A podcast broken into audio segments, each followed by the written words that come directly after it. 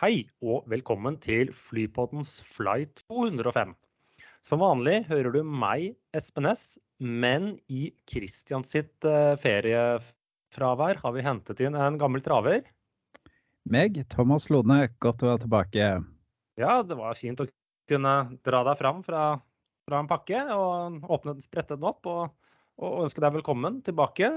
Så da, i tillegg til aktuelle saker, så når det passer da å få inn Thomas her, så kan man jo snakke litt om frakt. Så kanskje det dukker opp en annen person i løpet av sendingen.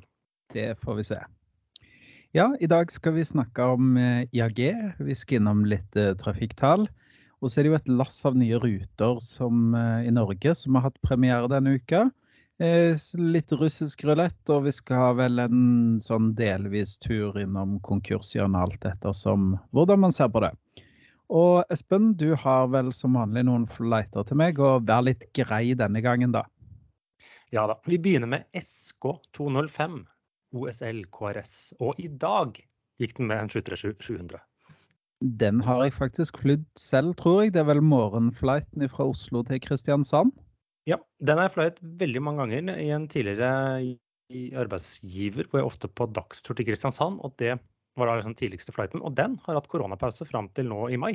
Ja, så da er den tilbake. Så nå går den også hver dag nå heller, men uh, den, uh, den, var faktisk tilbake med noen flighter nå i mai, så ting normaliserer seg litt. Uh, så har vi da FS 205 TRD til OSL, som går da med en 737-800, eller iblant en maks 8. Da må vi vel til Flyr, som flyr eh, Trondheim og Oslo. Ja. Og så sistemann, det er da UA 205 EWR til SJU men 737-900. Da er det på United Airlines, så vi er fra Newark til Puerto Rico, vil jeg tippe der. Ja, og i tillegg til at det andre er sånn innenriks-ish, så går så de sørover. Hva var temaet her? De går sørover? Uh, ja, de går sørover. Men jeg tenkte mer uh, flytypene. så det er 737, 700, 800, 900. Så det er sånn tripp-trapp-tresko. Yes, eh, vi eh, har vel også en flytype, Espen. Ja, Cessna de er ja. godt uh, oppi der. I dag er det da Cessna 205 som er den egentlig Det er jo litt samme familie som 205, 206, 207. Så Stationer eller Super Skywagon eller Skywagon eller Super Skyline, avhengig av hva den kalles.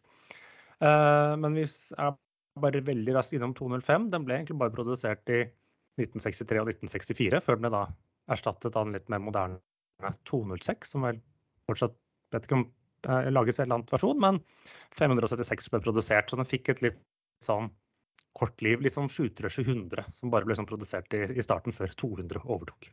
Ja, det, når jeg ser på denne, så er det jo ganske Hvis man tar 205, 206 og 207 sett under ett, så er det jo De begynner vel å nærme seg 10 000 fly bygga. Så det er jo ganske ja. imponerende for uh, prosessen. Det, det, kan vi si at det har vært en salgssuksess, intet mindre. Ja, men jeg å si, beta-versjonen, som da 205 kan kalles, den gikk raskt ut av produksjon. Men da da grunnlaget for en veldig suksessfull eh, serie. Eh, den er vel egentlig bygget på 210, som selv om et høyere nummer kom før, men det er noe så. Eh, vi gjorde vel noen endringer. Det var noe i julen og ja. Men så har vi én ulykke. Det har vi. Det er ja, i Afrika. Vi må ja. Revander Flight 205, som var en CRJ 100. De sjelden rase som vel krasja inn i terminalbygningen etter en uh, nødlanding i Kigali i Rwanda. Men uh, selv så dramatisk som det kan høres ut, så var det bare én passasjer som, som omkom. Ja, det, og teknisk sett det var faktisk ikke nødlanding heller. Det var en avbrutt avgang, slik jeg forsto det. Og så skjedde det noe rart med gasshåndtakene, et eller annet jammet seg, eller hva nå det var. Så den ja, mistet kontroll, og det var jo dårlig vedlikehold av da Jetlink Express som fløy de for den. Og etter det så fløy ikke de noe mer. Nei, riktig, riktig. Jeg ser jo også på det, det var jo ikke akkurat eh, flust av passasjerer. Det var ti passasjerer og fem crew. Så det var, var god, eh, god sånn forholdstall mellom passasjerer og crew der. Ja, det er mye med fem crew i en og dundre. Da... Det er teit. Yes. Jeg sa ikke plass til de crewene engang, men det er noe så. Eh, skal vi hoppe innom uh, aktuelt, uh, Thomas? Hvor noen har vært, vært og kjøpt med noe som egentlig ble annonsert for en tre-fire år siden. Yes, det stemmer. IAG har jo nå formelt bestilt Max. Og det er jo litt sånn spennende hvilke versjoner av 737 Max de har bestilt. Eh, er jo, de har bestilt 25 av denne her, jeg kaller den bare for Game Changer-versjonen. eller som, ja, som Ryanair kaller den for eh, yes. uh, Game Change-versjonen. For det er rett og slett Ryanair-versjonen som bl.a. Boeing kaller 8200, som er da en åtte med en ekstra dør, så de kan putte inn 200 passasjerer. Det er teit i en 737-8. Eh, det er jo eh, Norwegian har vel 189 eller noe sånt seter Nei, unnskyld, Flyr har vel det 189 seter i sin, eller 186, jeg husker ikke helt hva det er. Men eh, så smeller du inn en seterad eller to til, og så kommer du opp på 200. Så det, det blir fryktelig tight. Men det er klart de kan vel kanskje bruke det på sydenrutene sine eller eh, andre steder de flyr? Ja, man får jo se, for de har også bestilt 25 av den 73710, som ennå ikke er blitt eh, startet å levere enda, Som jo er sånn deres forsøk å konkurrere med A321 Neo, sånn kapasitetsmessig. Eh, men de sier jo ikke noe hvor de skal, eller hvilket selskap. For IAG har jo flere å velge mellom. Ja, det kan jo være BA. Det kan være nede i Spania. Det kan være Erlingus er vel også under denne paraplyen, er det ikke det? Jo, og, og Erlingus, Lingus og Vueling. Du har Iberia, du har Iberia Express og British Airways. Eh, hvis det blir British Airways, så blir det nok i så fall kanskje, kanskje det kan være for deres Gatwick-operasjoner. Fordi det prøver de å lage en sånn semi-lavpris eller lavkost av. For det de ikke kan, eller kan og kan, men eh, disse tar ikke konteinere. Og hele eh, deres eh, terminal 5 på Heathrow, som er liksom British Airways sin sånn hovedterminal der, den er lagt opp til at alle fly skal ha konteinere som bruker den. Aha, ja. Nei, det er jo uh, 737, der er det bare bulklasting, så det er jo litt spennende. Men er det noen andre i IAG-gruppen som har 737 i dag? Det er vel ikke det? Nei. Sist som vel hadde det, var vel faktisk British Airways selv, som har fløy med 737-400 fra Gatwick før det ble en ren Airbus-flåte? Ja, jeg tror faktisk jeg fløy 737-400 i sin tid. Da er vi tilbake i 2000 og ja, 4-5. Så tror jeg jeg fløy fra Newcastle til London Heathrow en 737-400, faktisk. Så det begynner jo å bli en stund siden. Men det, det som er da, det, De sier ikke hvem som skal fly dem, og da betyr kanskje ikke for hvor. Men jeg tror sjansen er veldig stor for at hvis du setter om bord i dem, så ender du i det som på godt norsk kalles Syden. Det tror jeg. I hvert fall disse her game changer-versjonene. Så blir det jo spennende å se hva de gjør med 737-10, da. For den er jo um, Om de stapper den så full som de også klarer, eller om det blir litt mer ja, skal vi si i gåsetegn litt mer eh, premium-maskiner. Ja, men det er jo en veldig bra sånn for store volumer til du Ja, fullt av ferie, feriereisende. Mm. Som også Det er jo mange som tar hvis det tar på hjemlige trakter, eh, Sunclass, som bruker deres eh, 321-er for å frakte stappfulle fly til ja, Mallorca og Hellas og alt mulig sånne ting. Dag inn og dag ut. Yes, det er sant. Men eh, disse blir levert allerede fra neste år. Starteleveringen skal gå fra 2023 og vare vel helt til 2027. Så um, det er jo ikke så veldig lenge til vi vet hvor disse havner. Nei, det er ganske kort, så det jo, tyder jo på at uh, Boeing ikke er utsolgt. De klarer å levere allerede til neste år. Det kan du glemme hos Airbus. De litt avhengig av hva de har på lur, men de er jo egentlig utsolgt i tre-fem år. Det er sant. Bortsett fra Leste vel egentlig, det ble jo en digresjon, da, men uh, jeg leste vel at uh, her i forrige uke, eller var det uka før, så plutselig så skulle Turkish ha tre A350-er fra, fra Airbus. og da spekuleres de om de maskinene egentlig skulle til Russland, men så bare jo, fikk Turkish en god deal. Skulle. Det er nå bilde av en eh, A350 Aeroflat-farger som plutselig har fått uh, tyrkisk registrering. Aha. Da var det noe i de ryktene likevel, da. Ja. Og, og de wide, i widebody er jo egentlig utsolgt, for det er jo ingen som vil ha om dagen. Nå tenkte jeg på 320-linja. Ja, riktig. Ja, det er jo klart. Alle vil jo ha små fly og fly domestic og intra-EU og innen USA og den type ting, så det er klart. Yes. Um, du har jo sett litt på trafikktallene for uh, Avinor uh, i uke 20, Espen. Uh, hva ser du der? Ja, det var si, litt færre passasjerer pga. 17. mai, men det er helt normalt. Men skal man måle mot 2019, så var det en liten forbedring fra minus 14 til minus 12% Så det er jo en sånn svakt stigende tendens. Eh, selv om det er liksom i løpet av mai har det ikke vært noen sånn vesentlig endring. Det har kanskje vært en sånn bitte liten knepp uh, uke for uke forbedring. Og innenriks nå ser jo ut som det bare mangler et ensifret antall prosentvis fra 2019-nivået, mens det fortsatt er sånn godt og vel en femtedel av utenrikspassasjerene som ikke er tilbake. Men så det blir jo litt spennende å se på disse. Nå kommer det to store reisehelger.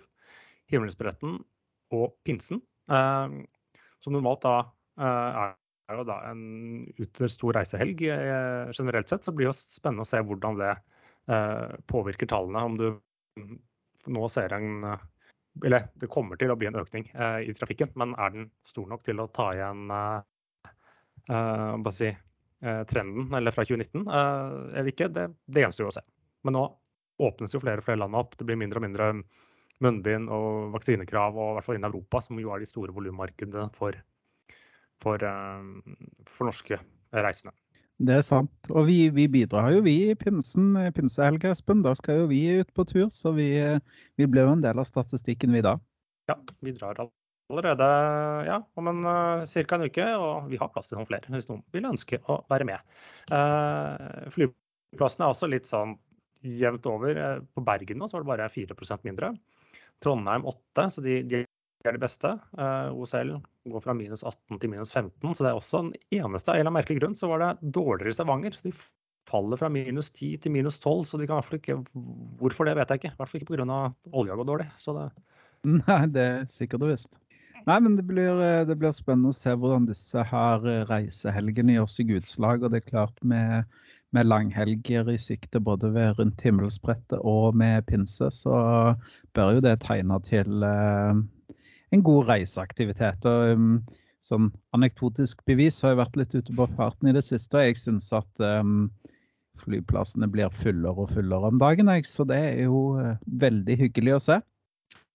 Ja, og nå kommer det også både nye ruter og nygamle ruter som uh, starter opp igjen, som er kanskje litt, også litt si, spennende og no, noen litt mer forventningsfulle. For denne uken så startet jo disse Air Lübeck opp, en rute mellom Lybekk og Bergen. Så hvem skulle tro det skulle være behov for det, eller hvor det skulle komme fra. Hadde vel første avgang i dag. ja. det vel, jeg husker ikke hvor mange ganger i uken de skulle fly med noen. Eh, og nå i helgen hadde jo United sin første var det tre eller fire ukentlige avganger mellom eh, Bergen og New York. Eh, de startet opp der. Det stemmer. Så, så var annet... Er jo også tilbake på eh, Oslo til Aten etter en eh, Ja, det har vel vært en De var vel eh, sist ja, Var det tilbake i 2018-2017, noe der? Jeg tror de, det var enten 2017 de la ned, eller var siste året de fløy. Så de har liksom hatt en, hatt en pause. Så nå i sommer er det jo fire flyselskaper mellom Oslo og Aten. Det tror jeg ikke det har vært før. Nei, det er sikkert og visst. Men de har jo alltid holdt på å si, gåsetegn vært på København og vel Arlanda, så, så jeg tenker det er jo ja, ganske fornuftig at de er tilbake på Oslo lufthavn. Og jeg må jo si det, eh, sånn personlig så er jo Aegan en av mine favoritter eh, innen Europa. Um, i hvert fall når jeg fløy de for noen år siden, så fikk man jo varmmat uh, bak i Economy, og det er liksom uh, Ja, det er litt sånn Ja, litt gresk taverna-stil over det. Jeg syns det er hyggelig, og det mat, og det var drikke, og selv, selv bak gardina så fikk man ålreit uh, servering. Så det er et uh, kjærkomment tilbake til, til Oslo. Syns jeg er et flott flyselskap, rent personlig. Ja, så handles det visstnok av Widerøe på OSL også, ser jeg. Så det, ja. Det stemmer. Videre ground handling har handlingen på den, så da får du også bakkepersonale i verdensklasse. Det føler jeg nesten jeg er forplikta til å si. Det har du lov til som gjest her, Thomas. Takk. Er det. Mm. Men sier, det er jo flere av lyttere som kan ha sett Egen de siste årene, men det har vært chartere. De har hatt chartere fra Oslo og mange andre steder i landet eh, på vegne. Jeg er ikke sikker hvilket byrå de har fløyet for, men, eh, så de har jo vært i Norge, men da kun ren eh, charter. Og så er det en rute vi snakket om eh, tidligere, jeg og Christian, som startet opp for to-tre uker siden. Da Oslo-Tampere med Air Baltic. Eh, da spurte vi litt flåsete hvem av verden er det som skal dit. Eh, og vi har faktisk fått en hyggelig mail fra en av våre lyttere som faktisk skulle på en jobbreise dit. Så det er jo det er jo noe industri der, og det er noe, noe som skjer. Og han var veldig glad for å, for å liksom kunne fly direkte til Tampere istedenfor ja, til Helsinki og så buss, eller hva det måtte være, være videre. Så ja, han sa han det, det sparte han for en god del timer, skrev han på mailen. Så det er jo, det er jo veldig hyggelig det at, at man ja, får den ruta. Og sånn som jeg skjønner, så er jo det en rute som har vært sånn sett etterspurt blant eh, næringslivet. Så da, da, må man eh, rett og slett put your money where your mouth is. Og det, det har han her gjort. altså Skrevet til oss og flyr med Air Baltic til Tampere. Og det er sikkert ikke noe problem å få slått i Tampere, men uh, det er noen andre som nå kan i framtiden mangle noen slotts, uh, Thomas. Ja, fordi at eh, russiske selskaper har jo eh, tradisjonelt vært eh, sterkt til stede i, i UK og Heathrow og, og andre flyplasser. Og det, det, har man jo med kanskje at det er litt tette business connection, andre connectioner eh, mellom Russland og, og, og, Storbritannia. Det var jo hva de kalte det, en bydel i London for, for London-grad. London ja, så, men, men det viser seg jo det at da pga. Um, ja, alle disse sanksjonene som, som, er mot Russland, så, så mister de uh, russiske selskapene britiske slåtter. Og som om ikke de mister de, så mister de også retten til å selge de. Så det er jo ganske um, Ja, skal man si uh, hadde, en, en sur, sur karamell. Ja. For det er jo litt sånn at hvis uh, disse slottene, hvis du ikke bruker dem, så mister du dem. Men nå får du ikke lov til å fly til, um, til England. Uh, men de får heller ikke lov til å selge dem eller leie dem ut, så da går de rett og slett i, i, tilbake til flyplassen og, og Slåttpolen. Og så når det skulle bli man blir venner igjen, så er det litt sånn Nei, dere har ikke slått, dere kan ikke fly, dere. Nei, og det er jo litt uh, Det er jo faktisk ikke bare bare å få slått på Heathrow. Så um, for eksempel. Og det finnes jo andre flyplasser òg, Manchester og litt sånn, som kan være litt kronglete å få slått på i, innenfor de tidene man har lyst til å fly. Så um, ja, de, de estimerer vel at uh, Aviation 24, som meldte dette, estimerer vel at uh, de kan gå på et tap på en ca. 50 millioner pund. Så det er jo ikke akkurat uh, småpenger, det heller. Og det um, det er vel, eh, de selskapene er vel Aeroflot, Rosaya og uh, Ural som, som uh, sliter med, med slottsene der. I, I, innledningen så ønsket vi å snakke om litt frakt, og da litt fokus på det norske markedet i dag. Og i tillegg til da deg, Thomas, som kan litt om dette, så har vi også hentet inn friend of the pod, Martin Langås. Velkommen. Tusen, tusen takk. Det er alltid gøy å være med her. Ja da. Eh, våre lyttere skal eh, få høre mer om deg eh, om noen uker og snakke litt om eh, det store, store, utland. Men eh, litt, litt, om dag så ønsker vi liksom hvordan det norske fraktmarkedet var. I gamle dager så vet jeg at da fraktet man aviser, og det er det ingen som leser lenger. Så hva frakter man, eller hva er det som går nå? Kan du bare få ta en kort intro, begge dere? Og ikke minst, har eh, korona har det skapt noen nye trender eller endret noen? noen? Er det noen endringer nå i 2022 kontra i 2019? Ja, jeg kan jo begynne litt, da. Og, og sånn som eh, hva er det som fraktes? Så er det vel egentlig spørsmålet hva det er som ikke fraktes. Og jeg tror nok eh, vi i Widerøe har en litt sånn særstilling der. fordi at eh, der de andre flyselskapene flyr mye Oslo, altså ut og inn fra Oslo til Stavanger, Bergen, Ålesund, Trondheim, Bodø, Tromsø osv. Som det allerede gode kommunikasjonslinjer når det går for frakt. Altså man tenker på biltransport og man tenker på tog og alt sånn. Så er det jo eh, vi i Videre som på en måte gjør at eh, man kan ha et velfungerende næringsliv andre steder i landet. Eh, kan du ta ett eksempel? Eh, noe som vi frakter mye, er jo f.eks. bildeler. Eh, og det er jo sånn at eh, driver du et bilverksted i eh, f.eks. ute på Leknes, så er det sånn at hvis du bestiller eh, den bildelen du trenger f.eks. fra Toyota, så eh, sentrallageret i Oslo, så har du den oppe hos deg neste dag eh, til morgenen. Og det er klart, da må fly involveres på en eller annen måte. Så det er noe av det som, som fraktes. Eh, og så er det ja, egentlig det er noe noen få aviser igjen. Vi er vel kanskje de eneste som frakter aviser. Ehm, det er, og da spesielt ut fra Finnmarka, som blir trykt i, i, i Troms og på Evenes. Eh, og så er det jo også en liten sånn eh, morsom ting eh, ut til Værøy.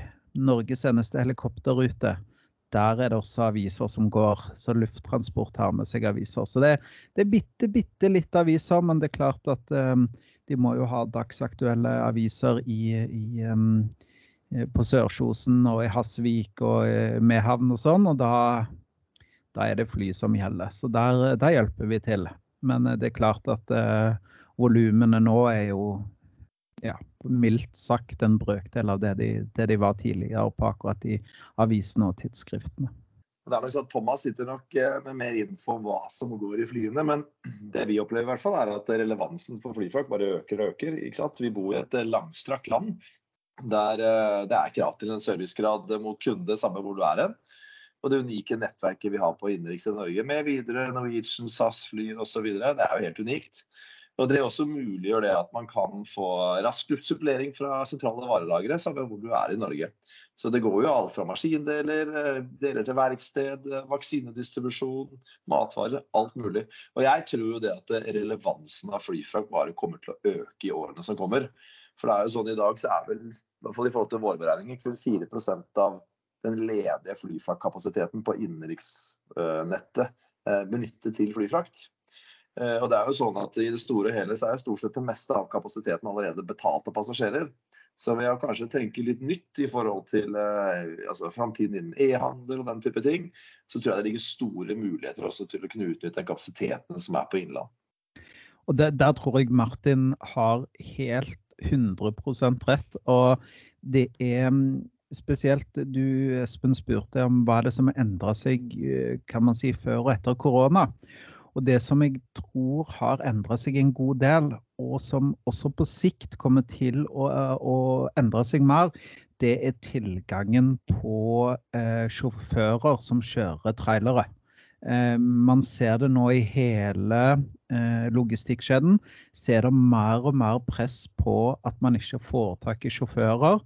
Altså eh, halve Litt flåsete sagt, altså halve Eh, holdt jeg på å si, de som kjørte trøkk eh, eh, rundt her i Norge, eller lastebil, de, de driver nå og kriger i Ukraina. Sant? Så det er jo Det vil bli en utfordring på sikt, sånn som jeg tror, og, og mange i bransjen tror, å skaffe nok sjåfører til å kjøre langtransport i Norge. Og, og da tror jeg at flyfrakt kan være et godt alternativ. Og så har vi som bransje også noen eh, vil jeg si, utfordringer som vi er nødt til å, å tegne over oss og eh, anerkjenne. Og det er på en måte det eh, hvordan luftflyfrakt har vært eh, satt opp i system. Eh, sånn som det er nå, så, så, må du betale x antall kroner for å få ting inn på fly. Eh, altså bare, bare før pakke pakken eller det som skal fraktes ligger på fly, ser man på mange ganger prisen på det det koster å transportere det med bil. Så vi som bransje også innenfor flyfrakt er nødt til å se på nye kostnadsmodeller, nye metoder for effektivisering og den type ting. Og det, det tvinger seg fram. Det er jeg sikker på at, eh, at eh, Eller jeg håper i hvert fall at vi som bransje kan ta det på alvor og se at hvis vi klarer å omstille oss, så vil vi også få volumer på innenriksnett i Norge. Det er jeg 100% sikker på. fordi eh, det er et behov, eh, men vi er nødt til å gjøre litt omstilling. og Omstilling gjør alltid vondt, men eh, på sikt så tror jeg det blir, blir bedre for bransjen som, som, helhet. Og så er det en spennende utvikling også. det at sant, De sentrale varelagrene de, de flyttes lenger og lenger fra Norge, samtidig som mer og mer handel flyttes til nettet. Eh, og for min egen del hvert fall, så er jo sånn en del av leveringstiden blir betraktet som eh, på en måte en del av produktets beskaffenhet. Sånn at eh, du forventer å få leveren, varen levert i løpet av én eller to dager, samme hvor du er hen, eller samme hvor den varen befinner seg. Og Det også gjør at vi ser at mer og mer går over på flyfrakt. Men jeg tror som Thomas sier at eh, for å liksom ta tak i disse mulighetene her, så tror jeg man liksom som bransje må tenke helt nytt. Det er jo liksom tradisjonelt en bransje som kanskje ikke har vært så flink til å fornye seg selv og se de mulighetene som kommer. Og nå er det helt klart eh, store endringer på gang i forhold til varehandel. Og det å utnytte ledig kapasitet på tvers av eh, vei, fly, tog og den type ting, det tror jeg er helt essensielt i forhold til bærekraftdebatten, men også kunne møte de behovene som er for mobilitet i framtiden. Absolutt. og, og og det er helt riktig som du sier, Martin. altså Sentrallagene flyttes lenger og lenger sy sydover. Eh, Sverige eh, i E6-aksen nedover fra Norge mot, eh, mot, København er det jo mye.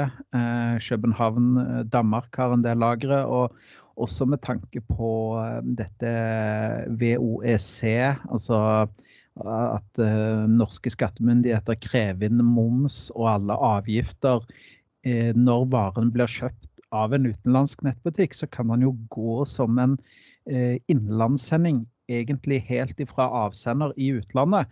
Det åpner jo også opp for at man ikke trenger noen som gjør en tollfortolling. Man trenger ikke disse klassiske spedisjonstjenestene. Og vi som flyselskap kan jo da fly den pakken ifra Zalando sitt eh, sitt lager et eller annet sted i mm, Tyskland eller hvor det nå måtte være, eh, helt opp til, til Mehamn eller hvor det nå kunden sitter. Så, så, jeg tror det er en kombinasjon av faktisk eh, norske myndigheter har vært litt på ballen her, sett litt um, tidens tegn, og at da må vi som levere disse logistikklinjene, også henge med og se hvordan kan man få inn eh, disse pakkene eller disse forsendelsene, eh, sånn at vår kapasitet blir brukt på en fornuftig måte. Ja, for dette vil da kreve rett og slett også at eh, for å begynne med flyselskapene, og egentlig altså alle, både kunder og, og leverandører, men også flyselskapene må jo ha en viss da være kanskje noe mer proaktive enn de har vært, for å være litt diplomatisk problematisk? Ja, absolutt. Eh, det er klart at eh, hvis man som eh, flyselskap ikke stiller noen krav, verken til leverandører eller andre i logistikkjeden, så, ja, så skjer det ingenting, rett og slett. Og, og her må vi være proaktive og tenke gå inn til F.eks. groundhandlere, de som gjør at cargoen kan komme om bord i fly, og si at vet du hva, man kan ikke ta denne avgiften, screeningavgift, eksportavgift etc., etc., etc., før den ligger i flyet. Da har vi prist oss ut med en gang, og da blir det, da blir det eh, bilfrakt som gjelder. Og, og da tenker jeg at eh, da må vi som bransje ta det på alvor og se at OK, kanskje par enhet eh, per forsendelse, så er det ikke like god business som en eh, ekspressforsendelse som vanlig flyfrakt.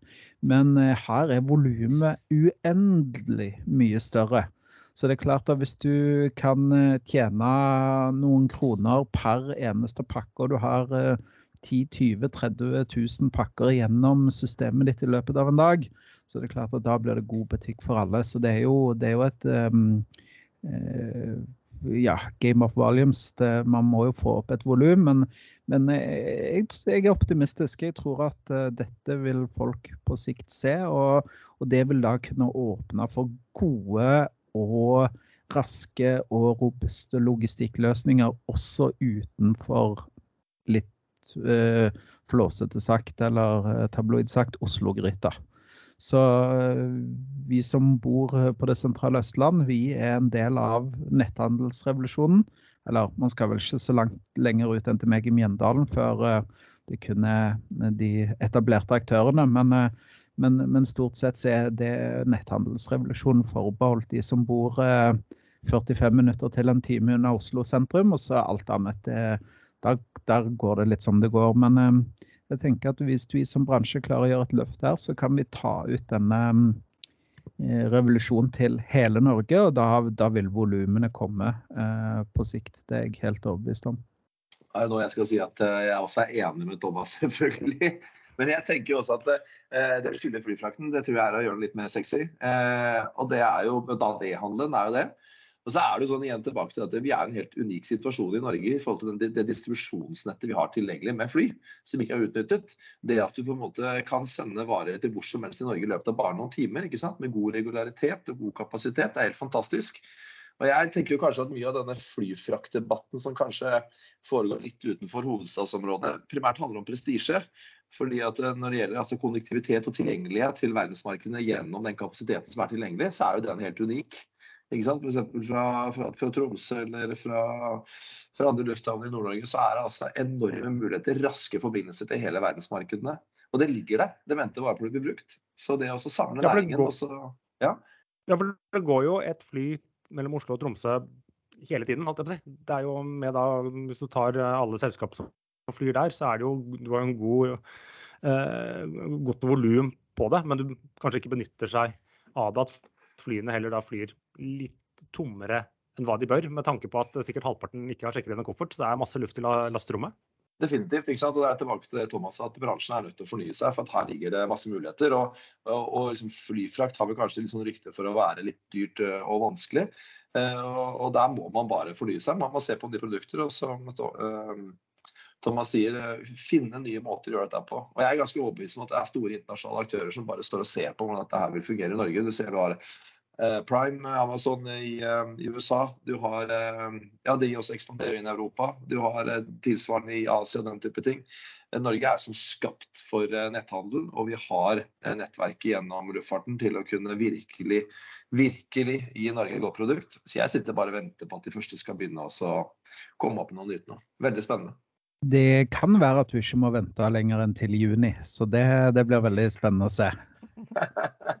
jeg kan jo ikke si noe her, jeg vet. Jeg må late som jeg ikke vet, vet du, Thomas. Ja, ja, ja, det vet jeg. Nei, men, men jeg tenker det at um, alle andre uh, land som har en noenlunde Det er jo ikke veldig mange som har en lik geografi, da, men hvis man uh, tar Canada som et eksempel, som har en del uh, veldig rurale områder og spesielt flyplasser, så har netthandel blitt en integrert del av eh, forretningene til flyselskapene. Og jeg ser egentlig ingen grunn til at det ikke skal bli det også i, i, i Norge. Vi er jo det folkeslaget som handler mest på nett. Og, og dess lenger nordmann bor, dess mer handler man. Så jeg tenker at her ligger alle forholdene til rette. Hvis vi som bransje evner å på en måte gjøre det løftet og kanskje fri oss litt fra de gamle lenkene som og tar og pusser brillene og, og, ser ting med litt nye briller, så tror jeg at dette kan bli um, ja, Som å bruke Michael O'Learys ord, da. En game changer for hele bransjen i, i Norge. Og Det som er viktig fra oss på Avinor, fra Avinors side, det er det at vi ser at dette her er, kan være viktig i forhold til å løfte lønnsomheten for flyselskapene enda høyere. ikke sant? Her er det inntekter som egentlig bare ligger og venter på oss å bli tatt tak i. Ja, og det vil også være en fordel for si, Avinor. For jo mer trafikk man si, får over flyplassene, jo mer volum skaper de, og jo mer si, inntekter, eller jo, mer, jo, flere inntekter blir det rett og slett dele kostnadene på. For det er vel ikke en hemmelighet at det er jo en del flyplasser som kanskje kunne hatt noe mer trafikk for å gå i balanse. Sånn er jo systemet rigget, men eh, det ville jo hjulpet. Og så tror jeg, da, uten å være en ekspert på området, at uh, dette er også går litt inn i bærekraftdebatten. For klart at Når du først skal produsere en flyvning et eller annet sted, så er det jo i alles interesse at den er mest mulig full. Selv om du selvfølgelig brenner litt mer fuel for at den er litt tyngre, så er det at uh, å støffe et fly begge veier, det må da være bra for alle. Og der er det jo fortsatt mye å gå på, for vi vet det er mye ledig kapasitet på flyene, selv om det er fullt, i, i, fullt på loftet.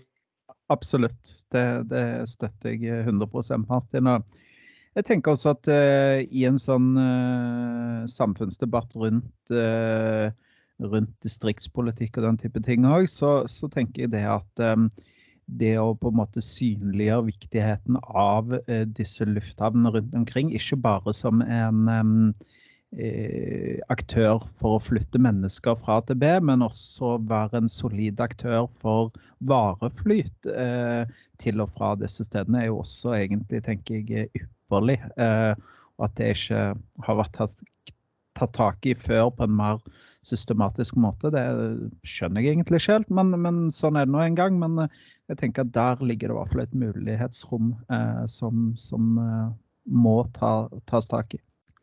Yes. Eh, Martin, hva um, ellers uh, rører seg? Du har jo vært på, på, Roots. Vi, vi, var jo innom det nå nettopp. Um, vi snakket litt om eh, Vi kan jo bare ta bare en sånn liten digresjon, da, bort fra frakt. Eh, det har jo vært gledelige dager for, for dere i Avinor med masse ruteåpninger denne uka. Hvordan har det vært?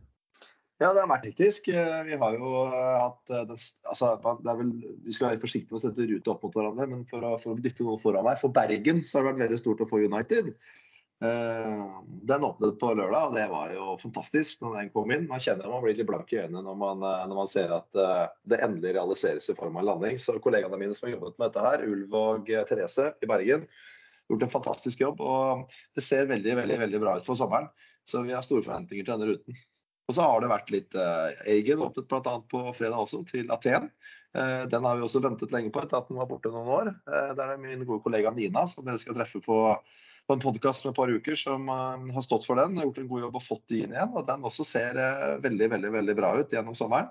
Så vi seiler litt i medvind.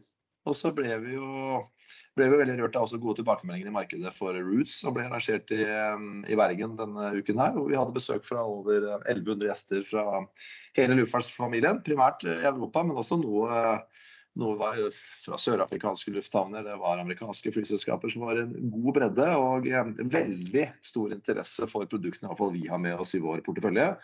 Eh, veldig kanskje rettet mot eh, fjord og, sjø, og også Nord-Norge. Så vi har fått veldig mye spennende å jobbe med framover.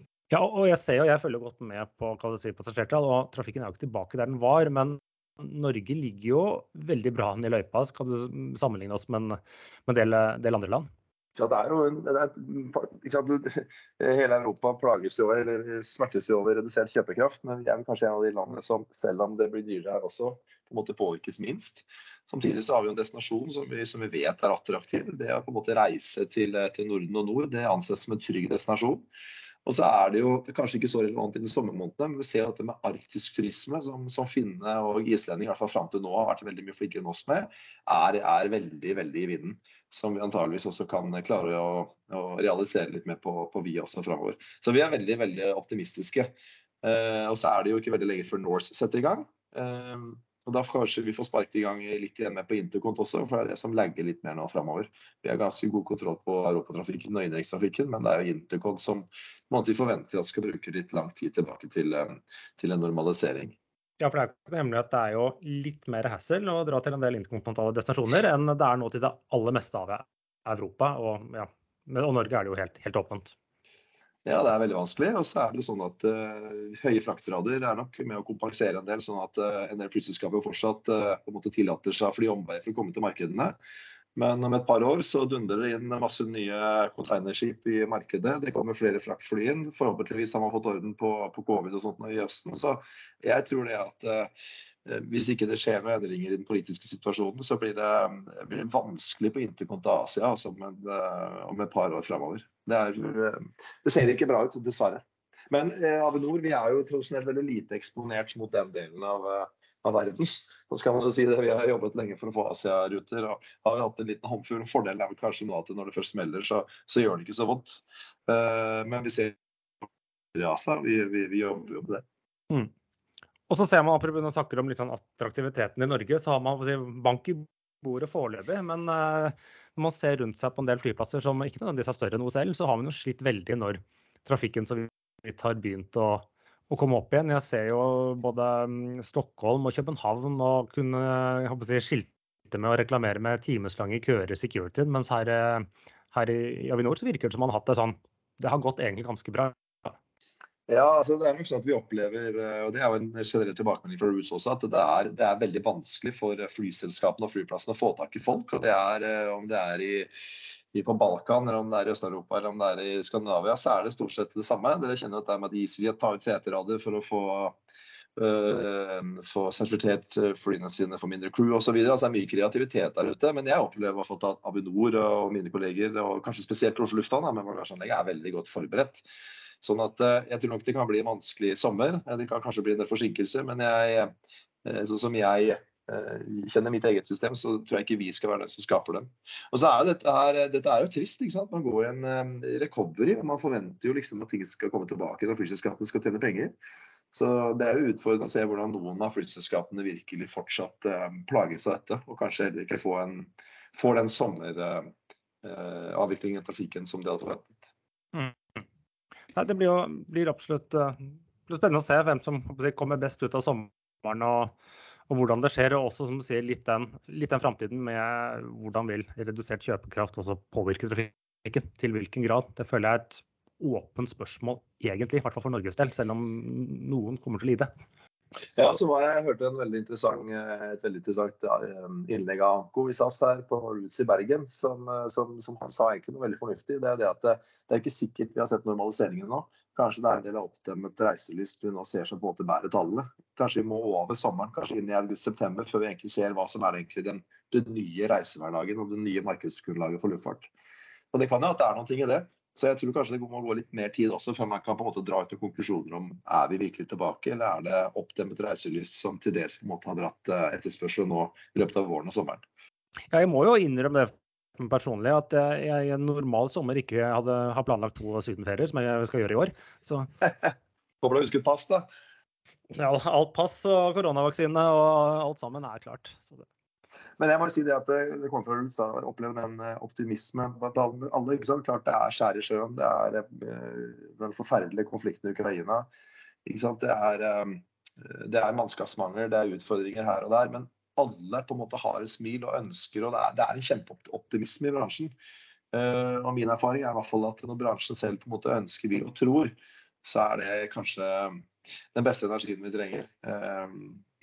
Det, bare har et spørsmål, Martin. Hvordan er altså Rut, som, som, ble avholdt i Bergen, er jo kan man si, primært en sånn matchmaking mellom flyselskaper og eh, flyplasser, destinasjoner.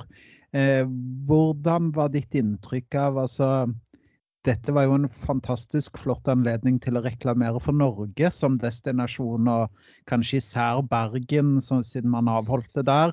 Hvordan følte du tilbakemeldingen var på, på, Norge som destinasjon? Tror du at eh, det at man hadde en så stor konferanse og la ned så mye ressurser i den, kan være med å, å trekke nye muligheter um, til Norge? At uh, nye flyselskaper som kanskje går tilbake og regner en gang eller to til på business-casen og ser hm, kanskje vi skal fly på Norge? Ja, definitivt. Og faktisk et veldig godt spørsmål.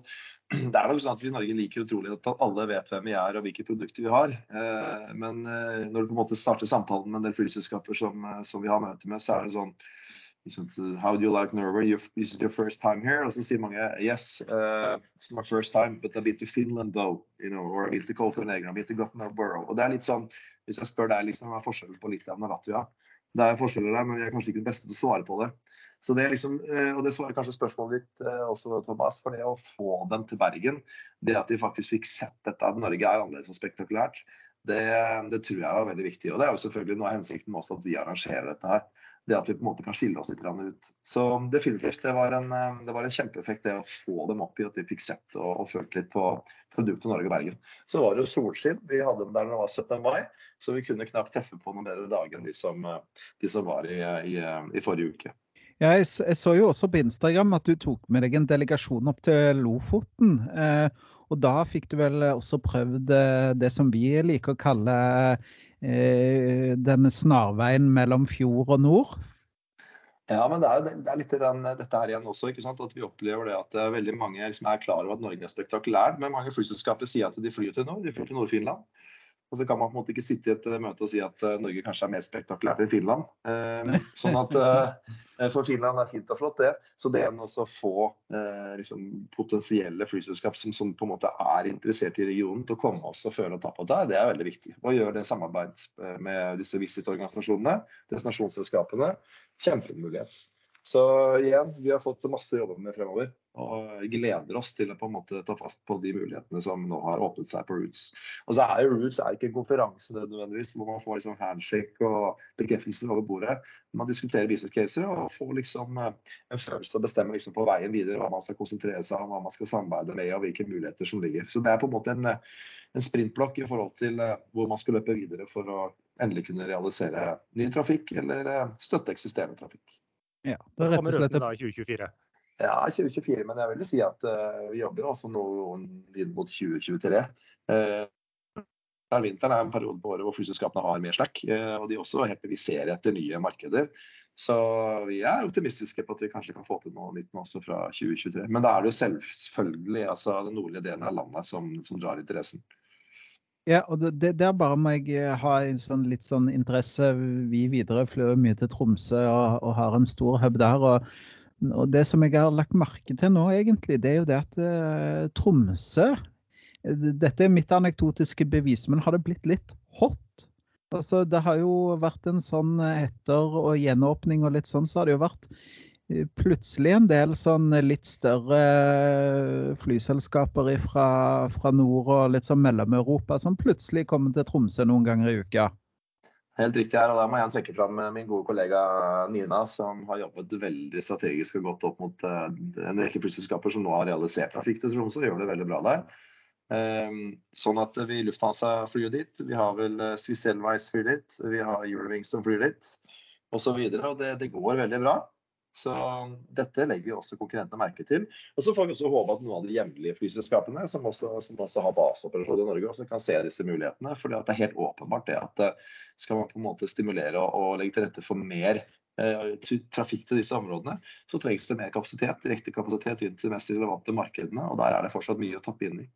Ja, og Det er også det som når vi pratet med norgessjefen til eh, Lufthansa for noen uker siden, trakk jo også litt fram det samme at disse disse små, eh, som har begynt, små, disse Nord-Norge-rutene deres eh, virket som de var fornøyd med. Ja, eh, det er tilbakemeldingen. Så skal ikke jeg være flyselskap her, men tilbakemeldingen generelt fra stort sett alle flyselskapene som flyr nå, er at de er veldig, veldig fornøyd. Og så er det kanskje vår jobb nå å prøve å dra dette litt mer ut. Vi ser at det er en viss grad av samtidighet. Vi har litt kapasitetsutfordringer i Tromsø nå fram til den nye terminalen er oppe og går. Men eh, jeg er helt overbevist om at det er plass til mer, og det er mye spennende som skjer. Eh, vi får jo Havila i gang etter konkurranse til Hurtigruten. Eh, og det dukker opp nye produkter og konsepter, og reiselivet er veldig kreativt i nord. Så det er en fantastisk morsom region å jobbe mot, fordi at det, er, det skjer noe hele tiden. Så jeg tror egentlig, egentlig vi har bare begynt å skrape litt i overflaten. Og så får jobben vår være nå da, prøve å ta noe av oppmerksomheten til nord, sånn som eh, finnene har klart å gjøre i Nord-Finland, og islendingene har klart å gjøre i eh, på Island. For det er jo sånn hvis du spør Europa om hvor er det nordlys, så svarer de Island. Eh, og hvor er det snø, så svarer de Finland. Men i utgangspunktet er det to produkter som egentlig vi har alle forutsetninger til å eie. Og ha de, på en måte de, de raskeste assosiasjonene til. Så her må vi jobbe strategisk over tid for å få det til, og jeg er helt overbevist om at du lykkes. Ja, for det er jo da, Hvis du følger med på Flightradar 24 vinterstid, hvor mange sånne fly fra Europa som skal til Kitala og Ivalo eh, Jeg vet jo engang hva som er der oppe selv, men de har tydeligvis klart å tiltrekke seg turister fra Europa. Ja, og Det er jo sant, veldig dyktig gjort av dem. Vi er jo kjempeimponert over hva de har gjort. Men, men i all beskjedenhet så mener vi jo faktisk at uh, vi har enda mer spektakulære destinasjoner å tilby. Uh, så utfordringen for oss er jo det som du var inne på i stad, det er jo nettopp det å få flyselskapene til å forstå at uh, Lofoten er annerledes enn Kitlela. Og da er det en, en god måte å få dem opp og presentere produktet sammen med destinasjonsselskapene. Og da skal vi stå klar til å fly de både til Leknes og Svolvær og hvor de igjen måtte gjerne dra når de kom inn til, eh, kom inn til Bodø eller Tromsø eller andre steder. Så det, det poenget mitt er jo bare at dette er en vinn-vinn. Altså det, får man eh, turisten inn, så er det vind for oss videre, som sikkert flyr de steder. Det er for andre flyselskaper som opererer i Norge. Kanskje de skal fly fra Bodø og ned til Oslo og ta noe der på veien tilbake til kontinentet. Og, og, og selvfølgelig for reiselivsbedrifter, hoteller, næringsliv i disse regionene. Så, så jeg tenker at det, det er jo et utrolig viktig arbeid som Avinor og, og samarbeidet med, med, disse destinasjonsselskapene legger ned her. Og så er det jo sånn eh, altså, I nord så er jo mye av det rutenettet dere har, da, Thomas, det er jo på en måte det er, det er, bussruter for de som bor i nord, men, de, men, for de som besøker, så er jo flyturen i seg selv en, en severdighet. Det å kunne se det fantastiske landskapet gjennom flyvinduet. Så man skal heller ikke ta bort det at uh, ting som kanskje vi ser som, eh, som kjedelig hverdags, er veldig veldig eksotisk for de som kommer og besøker. Nettopp. Skal vi la det være siste ord eh, i dag, Espen? Vi kunne jo sitte og snakke ja. lenge om dette her mye, men eh, det ble en lang digresjon fra frakt. Men det er jo alltid morsomt å snakke litt om ruteutvikling i tillegg. Ja, og så skal dere få høre fra Martin siden. Og siden du er her, så kan man jo, er ukens anbefalinger å gå inn på Instagram og følge Seafood Flyer. Ja, det må dere gjerne gjøre. Vi er jo veldig vi er veldig opptatt av Avinor og dele litt med det vi driver med. Det skal ikke være så hemmelig. Jeg tenker Det er kjempegøy at folk får lov til å se hva vi, hva vi jobber med å drive med. Vi har et fantastisk land, masse produkter, så, så følg meg gjerne. Og så vil jeg, vil jeg, gjerne komme med en liten anbefaling også, hvis jeg får lov til det. Ja, selvfølgelig. Vi, hadde besøk av uh, gjester her i, i, Lofoten, som det ble nevnt, og da fikk vi, uh, fikk vi uh, en en av de høye herrer fra et flyselskap i Europa til å sitte på klapp inn til Svolvær. Og eh, når man så øynene hans når han kom ut av cockpiten og han fortalte hvordan man ikke landet på Svolvær, men hvordan man angrep rullebanen, så tenker jeg det at det får være ukens anbefaling. Land på Svolvær i, i, dårlig vær, det er, det er en fantastisk opplevelse. Det er det. Dyktige piloter får du også med på kjøpet i flybilletten. Definitivt. Yes, men, da, da, eh, Tusen takk for at uh, du stakk innom, Martin. Og så prates vi om ikke så lenge igjen. Ses snart, gutter. Det gjør vi. Yes, nei, men Da var det alt for i dag. Flypoddens flight 205 har, er på vei inn for landing på Svolvær lufthavn, kanskje. Så da er det på tide å feste sikkerhetsbeltene, rette opp setet og sikre fri sikt ut av vinduet. Ehm, som vanlig finner du lenker til det vi har snakket om på flypodden.no. Du finner oss også på facebook.com flypodden, på Twitter eh, og på Instagram. Og begge de stedene heter vi alfakrøllflypodden. Har du et spørsmål, vil du invitere med oss på flytur eller sponse oss eller noe annet, så er det bare å ta kontakt, og da sender du en mail til hallo at flypodden.no. Ha det bra.